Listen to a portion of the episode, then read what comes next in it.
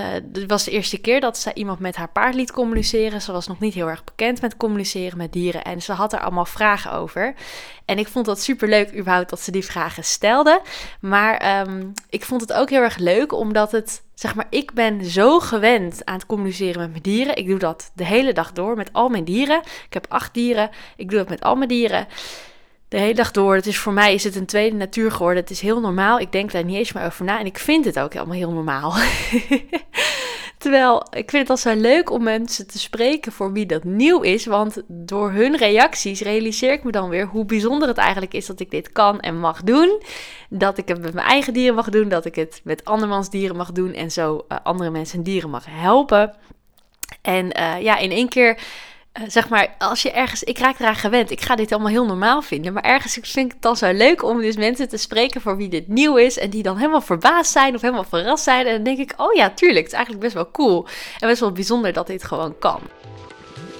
Hey, ik ben Ankie en dit is de In Verbinding met Je Dier podcast. Leuk dat je luistert. Ja, hallo en welkom bij weer een nieuwe aflevering van de In Verbinding met Je Dier podcast. Super leuk dat je er weer bent, super leuk dat je luistert. Vandaag wil ik uh, uh, jullie eigenlijk een beetje meenemen in een vraag die ik kreeg tijdens een consult laatst. Ehm, meestal als ik consulten doe, hè, waarbij ik dus communiceer met het dier en dat vertaal voor, voor het baasje, voor de eigenaar. Uh, dan doe ik dat op afstand. Dus dan heb ik een baasje aan de lijn, uh, of via uh, het gewoon telefonisch of via videobellen. En dat vind ik een hele fijne manier van werken, want op het moment dat ik dan contact maak met het dier en het dier vertelt mij dingen, dan kan ik dat gelijk aan het baasje doorgeven. Um, en andersom is dat ook gewoon heel erg handig, omdat als het baasje dan vragen heeft voor het dier, wat eigenlijk tot nu toe iedereen uh, wel uh, heeft, zeg maar. Ik heb nooit een baasje meegemaakt die geen vraag had voor zijn dier. Maar als, je, als mensen dan vragen hebben voor hun dier, dan kunnen ze die ook gelijk aan mij doorgeven. En dan kan ik ze ook gelijk ter plekke aan het dier stellen. Dus dat is een hele, hele handige manier van werken. Maar meestal doe ik dat op afstand. Want ik woon in Friesland en uh, ik werk met, mag met mensen werken, baasjes werken door het hele land. En zelfs in andere landen. Dus ja, soms dan ieder geval op afstand is dat gewoon heel makkelijk. Maar laatst uh, had ik een uitzondering, maakte ik een uitzondering voor iemand die vlakbij mij woont. Uh, uh, dus deed ik een consult op locatie. Dus ik ging langs bij de, dat baasje en haar paard in dit geval.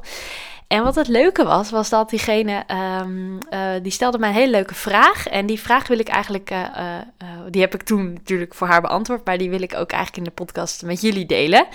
en vooral mijn antwoord erop, want ik denk dat het voor jullie heel, heel interessant gaat zijn om, om jullie daar mee te nemen.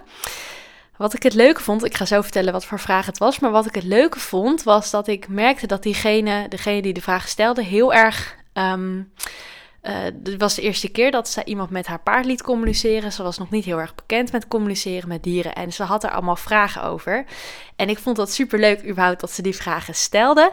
Maar um, ik vond het ook heel erg leuk, omdat het, zeg maar, ik ben zo gewend aan het communiceren met mijn dieren. Ik doe dat de hele dag door met al mijn dieren. Ik heb acht dieren. Ik doe dat met al mijn dieren de hele dag door. Het is voor mij is het een tweede natuur geworden. Het is heel normaal. Ik denk daar niet eens meer over na. En ik vind het ook helemaal heel normaal.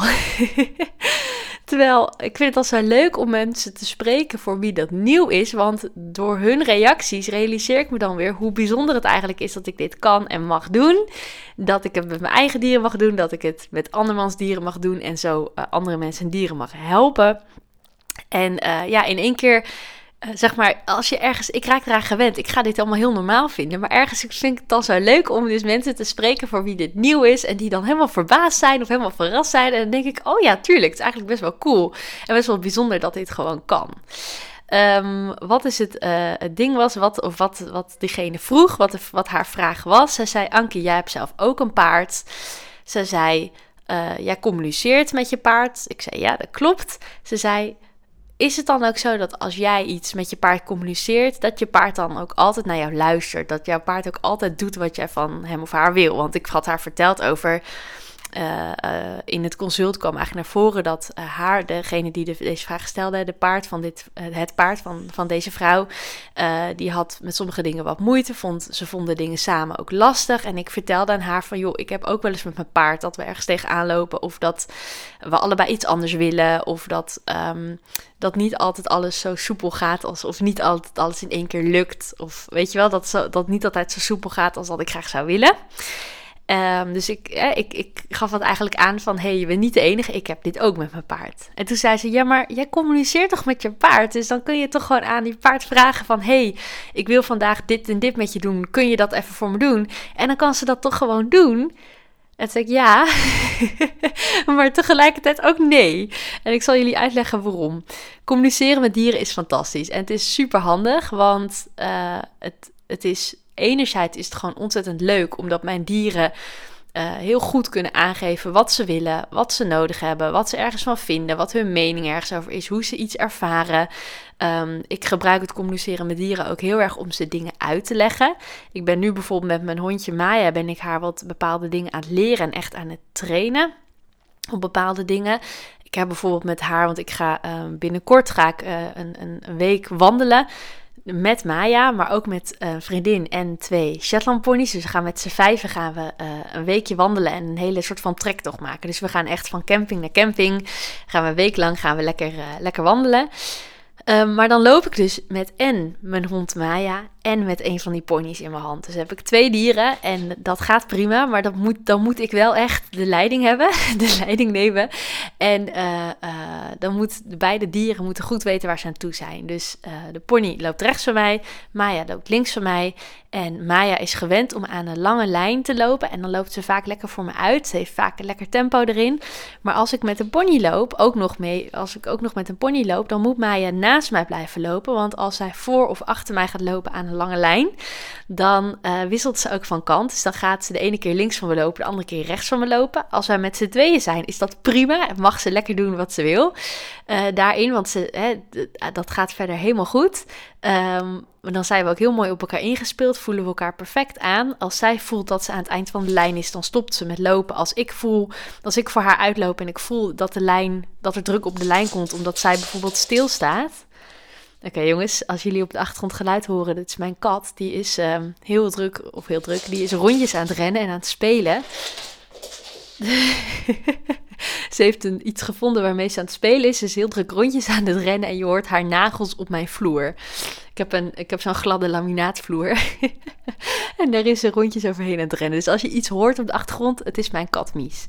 Um, maar in elk geval, uh, Maya en ik zijn heel goed op elkaar ingespeeld. Zij loopt dan aan zo'n lange lijn van 5 meter. En als een van ons voelt dat er druk op de lijn komt te staan, dan uh, stoppen we ook met lopen. Dus Maya trekt ook niet. Dat is echt ideaal. Uh, dat heeft ze ook nooit gedaan. Al sinds ik haar heb, gewoon, dat zit niet in haar, heeft ze nooit gedaan. maar tegelijkertijd heb ik ook dat ik was voor haar uitloopt en dan loopt zij ergens achter. Maar dan blijft ze bijvoorbeeld ergens staan om te snuffelen. Als ik dan druk op die lijn voel, dan stop ik ook. Dus wij zijn heel goed op elkaar ingespeeld. Dat, dat is een beetje wat ik wou vertellen. Maar punt is dus, als ik ook nog met een pony loop en Maya loopt aan haar lange lijn, dan wisselt zij van kant en loopt aan alle kanten om me heen. Maar ik heb dus één keer gehad, de eerste keer dat, dat ik met een pony met haar en een pony ging lopen, dat ze dus om die pony heen liep. En dat die pony en ik en Maya dus helemaal in de knoop kwamen met een lang touw. Nou kan je zeggen, dat is niet zo handig. Het liep allemaal goed af. Ik dacht even, die pony gaat nu schrikken. Die krijgt de schrik van zijn leven. En die, en die gaat helemaal, uh, weet ik veel, helemaal rennen of helemaal, uh, helemaal schrikken en, en vluchten, zeg maar. Dat ging gelukkig goed. Die pony bleef heel rustig staan. Maar ik dacht, ja, dat is niet handig. Dus wat probeer ik Maya nu te leren? Dat als we met een pony lopen, dat zij dan links van me naast me moet blijven. Dus niet naar voren mag, niet naar achter, gewoon keurig recht naast me. Nou, dat doet ze supergoed. Als we dat we oefenen dat nu steeds en gaat, gaat gewoon supergoed. Af en toe vergeet ze het of af en toe dan uh, ruikt ze iets en dan wil ze toch even de andere kant op of dan gaat ze toch voor me uit of af en toe dan raakt ze afgeleid. Dan vergeet ze het. En in die situatie heb ik dus echt, toen ik hiermee begon met dit oefenen met haar, heb ik haar echt gewoon letterlijk met via het communiceren, wat ik dan doe, uitgelegd. Ik wil, dit is wat ik van je verwacht en dit is ook waarom ik dat van je wil. Ik heb ook aan haar uitgelegd van je bent het veiligst als jij links van me loopt. Want dan kan ze ook niet per ongeluk door een pony getrapt worden of weet ik wat. Hè. Ik bedoel, als een pony schrikt kan, zou die kunnen trappen. Dus um, dit is ook gewoon voor haar het, het, het veiligst en het meest handige, het handigst. Dus in dat soort situaties is het super fijn als je met je dier kunt communiceren, want dan kun je het hem gewoon letterlijk uitleggen. Niet alleen wat je van hem wil, maar ook waarom. Ik heb het ook gehad met mijn paard Anka toen ze haar graasmasker omkreeg. Vorig jaar toen ze de wei op ging, toen had ze eerst geen graasmasker.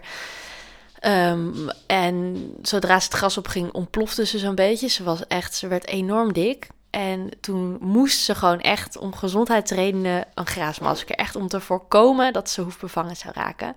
Ik keek daar heel erg tegen op, omdat ik bang was dat zij heel um, chagrijnig zagen worden van een graasmasker. Want kijk, ik, ja, misschien is dat dus dan wel vermenselijking. Maar als ik paard was en ik zou een graasmasker om mijn neus krijgen, ik zou waarschijnlijk compleet depressief worden, omdat je in één keer veel minder kunt eten. Maar Anka moest dat graasmasker, want het was gewoon echt echt niet meer gezond. Hoe, hoe dik zij werd van het gras wat ze kreeg. Dus zij kreeg een graasmasker op. En toen heb ik haar gewoon uitgelegd, voordat ze het graasmasker omkreeg, heb ik haar uitgelegd: dit is wat we gaan doen en dit is de reden.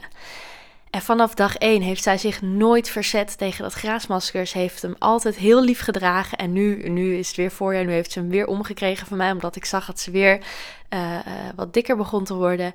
Um, gewoon uit voorzorg heeft ze hem omgekregen en ze doet het er ontzettend goed mee. En ik denk dat het in dat soort situaties echt enorm scheelt dat ik het aan haar uitleg. Want omdat ik het aan haar kan uitleggen, weet ze waarom het is. Weet ze ook dat het voor haar eigen gezondheid is. Weet ze ook dat het voor haar best veel is. Oh, en ik bedenk me nu trouwens, voor de mensen die, niet, die niks met paarden hebben en die wel deze aflevering luisteren. Uh, een graasmasker is dus uh, letterlijk een, een, een masker. In het geval van Anka is het een kunststof masker. Uh, dat heeft ze om haar mond. En op dat graasmasker zit een, opening. En daardoor kan ze gewoon eten. Alleen die opening is gewoon klein. Dus ze kan gras eten, maar veel minder gras dan uh, ze zou kunnen eten als ze niks om haar mond zou hebben. En wat dus het ding is met uh, um, paarden is dat gras is, is hartstikke goed voor paarden. Paarden houden van gras. Anka is dol op gras. Alleen uh, uh, in het gras zit vooral vaak, en zeker nu in het voorjaar, kan heel veel suiker zitten. En te veel suiker is gewoon niet goed voor haar. En op het moment dat ze echt veel te dik wordt, dan, kunnen, uh, dan kan ze hoefbevangen raken. Dus dan komt er ontsteking in haar hoeven. En dat is, ik heb paarden gezien die hoefbevangen waren. En dat was zo enorm pijnlijk voor die paarden het uiteindelijk, zeg maar, als, als dat echt in in de worst case scenario, zeg maar, zou een paard zelfs kunnen overlijden aan die hoefbevangenheid. Of tenminste, ja, dat is wel, dat kan zulke grootschalige gevolgen hebben voor de gezondheid van een paard. Dat is, niet, dat is echt niet oké. Dus dat graasmasker um, doe ik niet bij haar om voor de lol, maar echt omdat het echt voor haar gezondheid echt nodig is. Nou is het niet zo dat elk paard hoefbevangen, zomaar hoefbevangen raakt, maar je hebt um, um, paarden die gewoon aanleg wil hebben om dik te worden, die sneller dik worden. Anka is daar één van. En uh, ja, ik moet gewoon met het gras, met haar gewoon het gras, de, haar gras inname de hoeveelheid gras die zij binnenkrijgt, moet ik voor haar eigen gezondheid echt beperken. Dus daarom heeft ze een graasmasker om. Um, ja, en van tevoren zag ik, keek daar dus heel erg tegenop. Dacht ik, oh, dat is enorm zielig. Maar uiteindelijk ben ik heel blij dat ik het heb gedaan. Want het heeft gewoon wel ervoor gezorgd dat zij, uh, dat haar uh, fysieke gezondheid in balans is. En in balans blijft op dit moment. Dus dat even een kleine toelichting voor de mensen die niks met paarden hebben en denken: Ankie, wat doe je je paard aan? Het is echt een overwogen beslissing. maar in elk geval, het communiceren met dieren is dus super handig als je je dier iets wil uitleggen. En dus ook als je met je dier iets wil trainen of je wil je dier iets nieuws aanleren, dan kan het gewoon heel erg helpen. Want je kunt het je dier op een hele heldere manier uitleggen wat er moet gebeuren, wat je van hem wil, wat je van hem verwacht en uh, hoe het gaat aflopen, zeg maar. Dus dat is fantastisch. Maar om even terug te komen op, op het onderwerp van deze aflevering, op de vraag die ik dus kreeg, dat was dus van, nou Ankie, als jij met je dieren kan communiceren en jij wil iets van je dieren, dan kun je het ze toch gewoon vragen en dan doen ze het toch gewoon, dan luisteren ze toch, of, of, of uh, die vraag is ook van, ja, of, of zeg ik nu iets geks? Ik zei, nou, nee, je zegt helemaal niks geks, ik begrijp de gedachte. Maar soms als ik dus met dieren, iets met mijn dieren communiceer, telepathisch met mijn dieren communiceer en ik vraag ze iets, dan doen ze het ook echt. Maar soms doen ze het ook niet. En ik ga je nu vertellen hoe dat zit. Want op het moment dat ik met een dier communiceer, communiceer ik met de ziel van het dier. Uh, dat zorgt er ook voor, want het is zo leuk, een ziel blijft altijd bestaan. op het moment dat een dier overlijdt, dan zijn lijf. Uh, ik zie het, het, lichaam als een soort van jasje. Dat doet het dier als het ware uit. Maar die ziel blijft bestaan. Die ziel is energie. Energie blijft altijd bestaan. En dat zorgt er dus ook voor dat ik kan communiceren met zielen van dieren die zijn overleden. Dus af en toe vragen mensen me ook, als ze een dier hebben gehad wat ze hebben moeten in laten slapen of wat op een andere manier is overleden, vragen mensen me ook om met dat dier te communiceren. En dat vind ik altijd heel bijzonder om te mogen doen. Doe ik ook heel graag.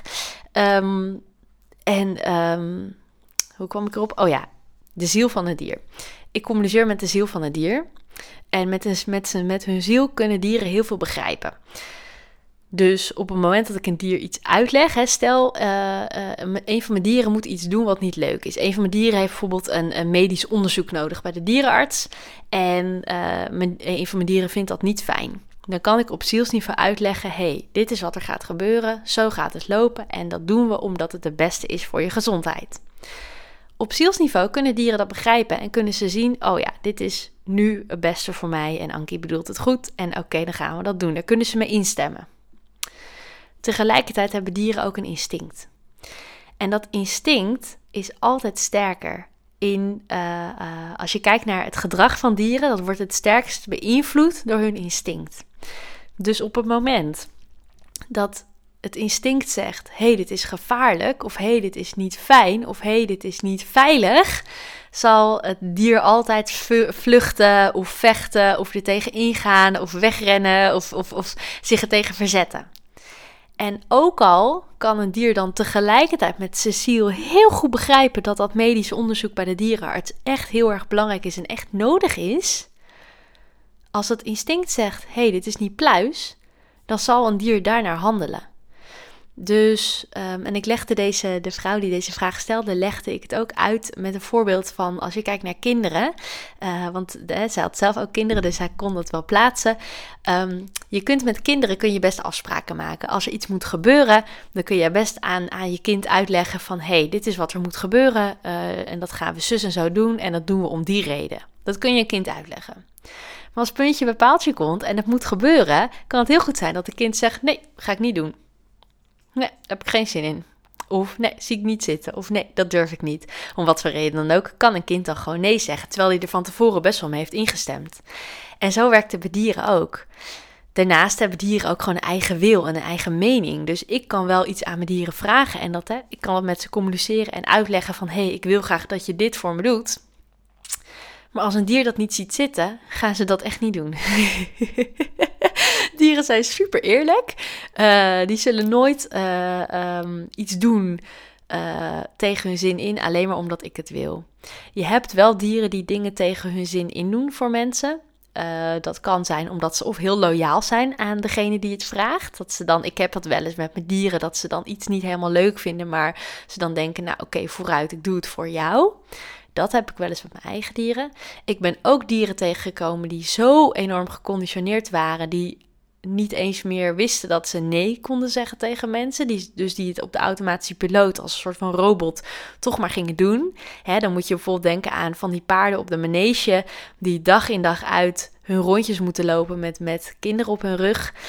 Uh, die doen dat vaak uh, op de automatische piloot zonder erbij na te denken. Die, je hebt dan van die dieren die gewoon helemaal afgestompt en helemaal afgesloten zijn. Dus het is niet zo dat. Uh, dieren kunnen dus soms wel iets tegen hun zin in doen, ook al vinden ze het niet leuk. Um, soms doen ze dat bewust omdat ze dat dan toch willen doen voor hun mens. Soms doen ze dat zonder erbij na te denken op de automatische piloot, omdat ze niet eens doorhebben dat ze ook nee mogen zeggen. Mijn dieren mogen ook nee zeggen van mij. Niet ieder dier krijgt daar de ruimte voor. Um, maar ja, het is dus niet zo dat als ik iets aan mijn dieren vraag, dat ze het ook gelijk doen. en ik denk, ik hoop dat ik nu voor jou een beetje heb uitgelegd waarom dat zo is en hoe dat zit. En dat is gewoon hoe, hoe het communiceren met dieren werkt. Weet je, het is super fijn, het is super handig. Maar, het betekent niet dat ze zomaar alles doen wat ik van ze vraag. En eigenlijk is dat ook heel goed. Eigenlijk ben ik daar ook heel blij mee. Want ik zou het. Kijk, tuurlijk, het is heel makkelijk als ze altijd alles zouden doen wat ik van ze zou vragen. Maar. Um, ik heb liever dieren die zelf nadenken en zelf beslissingen maken, daarin een stukje zelfstandigheid krijgen van mij en, en dus ook nee mogen zeggen als ze iets echt niet fijn vinden, dan dieren die alles maar voor mij doen, Ehm, maar tegelijkertijd ook allemaal dingen tegen hun zin indoen en dat helemaal niet fijn vinden. Dat zou ik niet willen. En tuurlijk, soms dan, dan baal ik daar wel eens van hoor. Dan wil ik iets van een van mijn dieren en dan, en dan, en dan wil het niet en dan werkt ze niet mee. En dan raak ik gestrest en dan raak zij gestrest en dan denk je, ah, ah, waarom weet je wel, doe nou even. Tuurlijk, tuurlijk, die momenten heb ik ook met mijn dieren. Ehm, eh, ik denk dat het ook wederom weer heel vergelijkbaar is met, met kinderen. Dat je af en toe ook, als je kinderen in je leven hebt, dan herken je dat wel. Dat je echt denkt van, ah, doe nou eventjes. Uh, kom op. Ehm, maar ja, het, het, het, het houdt het ook leuk. Het, houdt, maakt het ook een uitdaging, snap je? Ik zeg het echt, ik kan het echt vertellen met een lach op mijn gezicht, omdat ik er ook om moet lachen. Heel vaak moet ik er op het moment dat ik dan even niet zie zitten met mijn dier, of ik even tegen frustratie aanloop, dan vind ik het heel vervelend. Maar nu, eh, achteraf kan ik er altijd wel om lachen, want tot nu toe loopt het altijd goed af.